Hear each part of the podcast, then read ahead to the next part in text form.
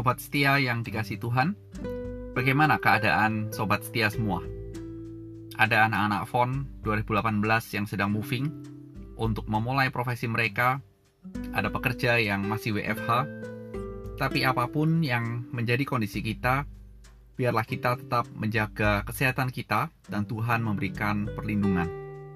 Dan doakan terus untuk teman-teman yang kita tahu sedang isoman dan juga nakes yang terus bertempur di rumah sakit. Biar Tuhan memberi kesehatan serta kekuatan. Hari ini kita akan mulai untuk membahas Lukas 1 ayat 1 sampai dengan 25. Tema yang saya berikan adalah hidup benar, hidup benar itu di mata Tuhan. Dan nats kita akan dibacakan oleh Stil Ricardo Pea. Thank you buat supportnya di tengah-tengah tugas yang begitu padat di Mampang. Kiranya Tuhan memimpin untuk step berikutnya dalam hidupmu. Dan setelah engkau menyelesaikan profesi, kiranya Tuhan terus memakai dan memberkati engkau dan keluargamu yang ada di Ambon.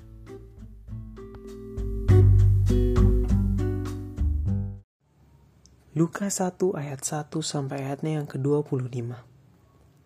Theophilus yang mulia, banyak orang telah berusaha menyusun suatu berita tentang peristiwa-peristiwa yang telah terjadi di antara kita, seperti yang disampaikan kepada kita oleh mereka, yang dari semula adalah saksi mata dan pelayan firman. Karena itu, setelah aku menyelidiki segala peristiwa itu dengan seksama dari asal mulanya, aku mengambil keputusan untuk membukukannya dengan teratur bagimu, supaya engkau dapat mengetahui bahwa segala sesuatu yang diajarkan kepadamu sungguh benar. Pada zaman Herodes, Raja Yudea, adalah seorang imam yang bernama Zakaria dari rombongan Abia. Istrinya juga berasal dari keturunan Harun, namanya Elizabeth. Keduanya adalah benar di hadapan Allah dan hidup menurut segala perintah dan ketetapan Tuhan dengan tidak bercacat. Tetapi Elizabeth tidak mempunyai anak, sebab Elizabeth mandul dan keduanya telah lanjut umurnya. Pada suatu kali, waktu tiba giliran rombongannya, Zakaria melakukan tugas keimaman di hadapan Tuhan. Sebab ketika diundi sebagaimana lazimnya, untuk menentukan imam yang bertugas, Dialah yang ditunjuk untuk masuk ke dalam bait suci dan membakar ukupan di situ. Sementara itu, seluruh umat berkumpul di luar dan sembayang. Waktu itu adalah waktu pembakaran ukupan. Maka tampaklah kepada Zakaria seorang malaikat Tuhan berdiri di sebelah kanan mesbah pembakaran ukupan. Melihat hal itu, ia terkejut dan menjadi takut. Tetapi malaikat itu berkata kepadanya, Jangan takut, hai Zakaria, sebab doamu telah dikabulkan, dan Elizabeth, istrimu, akan melahirkan seorang anak laki-laki bagimu, dan haruslah engkau menamai dia Yohanes. Engkau akan bersuka cita dan bergembira, bahkan banyak orang akan bersuka cita atas kelahirannya itu. Sebab ia akan besar di hadapan Tuhan, dan ia tidak akan minum anggur atau minuman keras dan ia akan penuh dengan roh kudus mulai dari rahim ibunya. Ia akan membuat banyak orang Israel berbalik kepada Tuhan, Allah mereka. Dan ia akan berjalan mendahului Tuhan dalam roh dan kuasa Elia. Untuk membuat hati bapak-bapak berbalik kepada anak-anaknya. Dan hati orang-orang durhaka kepada pikiran orang-orang benar. Dan dengan demikian, menyiapkan bagi Tuhan suatu umat yang layak baginya. Lalu kata Zakaria kepada malaikat itu, Bagaimanakah aku tahu bahwa hal ini akan terjadi? Sebab aku sudah tua dan istriku sudah lanjut umurnya. Jawab malaikat itu kepadanya, Akulah Gabriel yang melayani Allah, dan aku telah diutus untuk berbicara dengan engkau, dan untuk menyampaikan kabar baik ini kepadamu Sesungguhnya engkau akan menjadi bisu dan tidak dapat berkata-kata sampai kepada hari di mana semuanya ini terjadi. Karena engkau tidak percaya akan perkataanku yang akan nyata kebenarannya pada waktunya. Sementara itu, orang banyak menanti-nantikan Zakaria. Mereka menjadi heran bahwa ia begitu lama berada di dalam bait suci. Ketika ia keluar, ia tidak dapat berkata-kata kepada mereka, dan mengertilah mereka bahwa ia telah melihat suatu penglihatan di dalam bait suci. Lalu ia memberi isyarat kepada mereka, sebab ia tetap bisu. Ketika selesai jangka waktu tugas jabatannya, ia pulang ke rumah. Beberapa lama kemudian Elizabeth, istrinya, mengandung dan selama lima bulan ia tidak menampakkan diri. Katanya, inilah suatu perbuatan Tuhan bagiku. Dan sekarang ia berkenaan menghapuskan aibku di depan orang.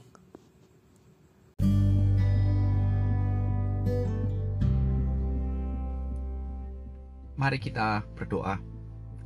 Tuhan Yesus kami bersahati berdoa untuk kesembuhan Pak Polo dan juga Sekali lagi untuk firman-Mu di pagi hari ini kiranya menjadi pelita bagi kami semua. Demi Kristus, amin. Sobat setia, satu hal yang saya amati secara sederhana dalam kehidupan ini, bahwa sering kali dunia melihat hidup kita dari kacamata yang negatif. Apa artinya?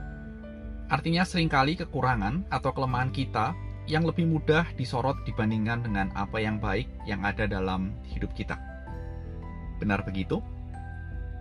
Dan hal ini mungkin sering kali menimbulkan suatu kefrustasian. Dan entah berapa banyak umat manusia yang karena kacamata seperti ini hidup mereka hancur berantakan. Hal inilah juga yang muncul dalam nats kita. Dan bagaimana seharusnya kita merespon akan hal ini? Perhatikan pembahasan hari ini. Lukas menuliskan buku pertamanya untuk Theophilus, dan dalam Injil Lukas ini dia menyusun tulisannya dengan rapi. Dan bahkan kalau diperhatikan munculnya nama-nama pemerintahan mengindikasikan waktu dan peristiwa itu kapan terjadi dia benar-benar catat.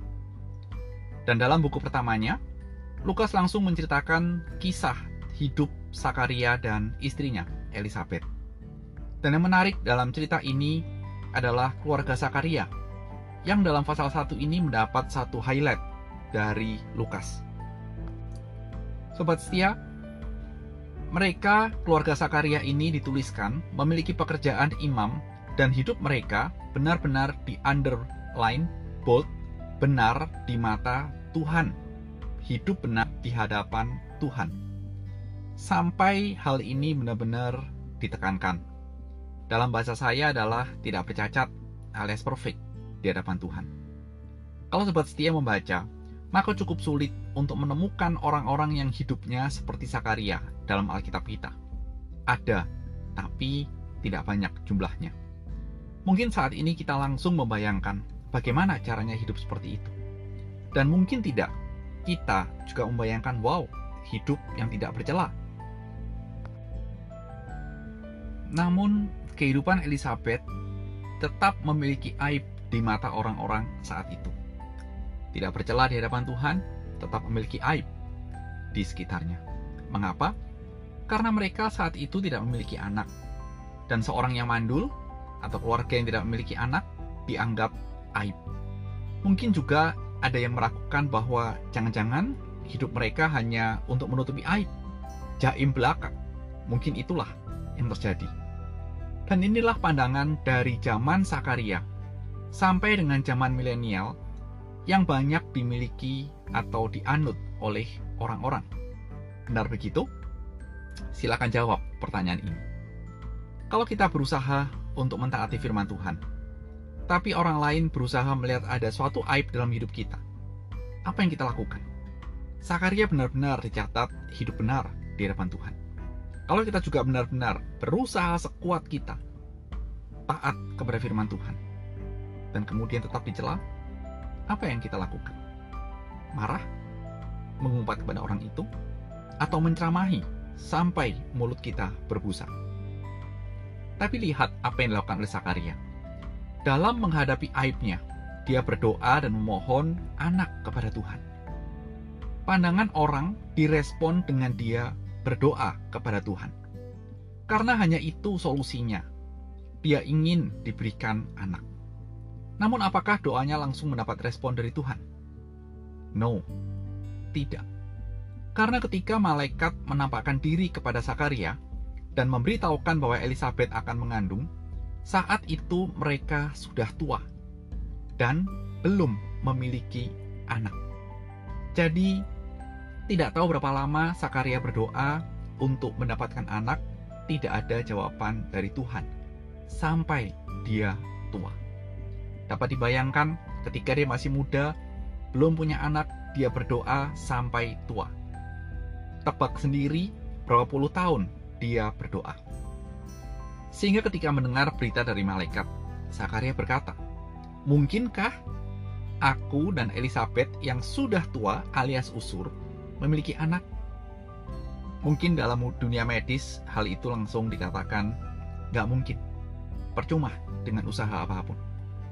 Namun malaikat itu meyakinkan bahwa anaknya nanti yang Elizabeth kandung akan membuka jalan bagi Mesias. Wow, saya tidak tahu apa yang menjadi perasaan dari Sakaria saat itu ketika mendengar penjelasan dari malaikat.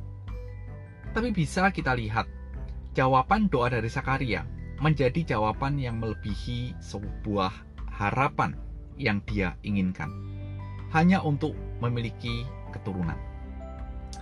Dan lihat, setelah itu apakah Elizabeth langsung mengandung? Tidak. Setelah malaikat memberikan jawaban pun, penjelasan pun, Elizabeth tidak langsung mengandung. Alkitab mencatat delay.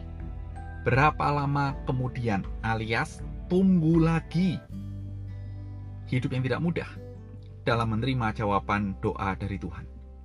Tapi janji Tuhan tidak pernah meleset. Janji Tuhan itu pasti. Dan Alkitab mencatat Elizabeth mengandung dan itulah tanda Tuhan menghapus aib keluarga ini.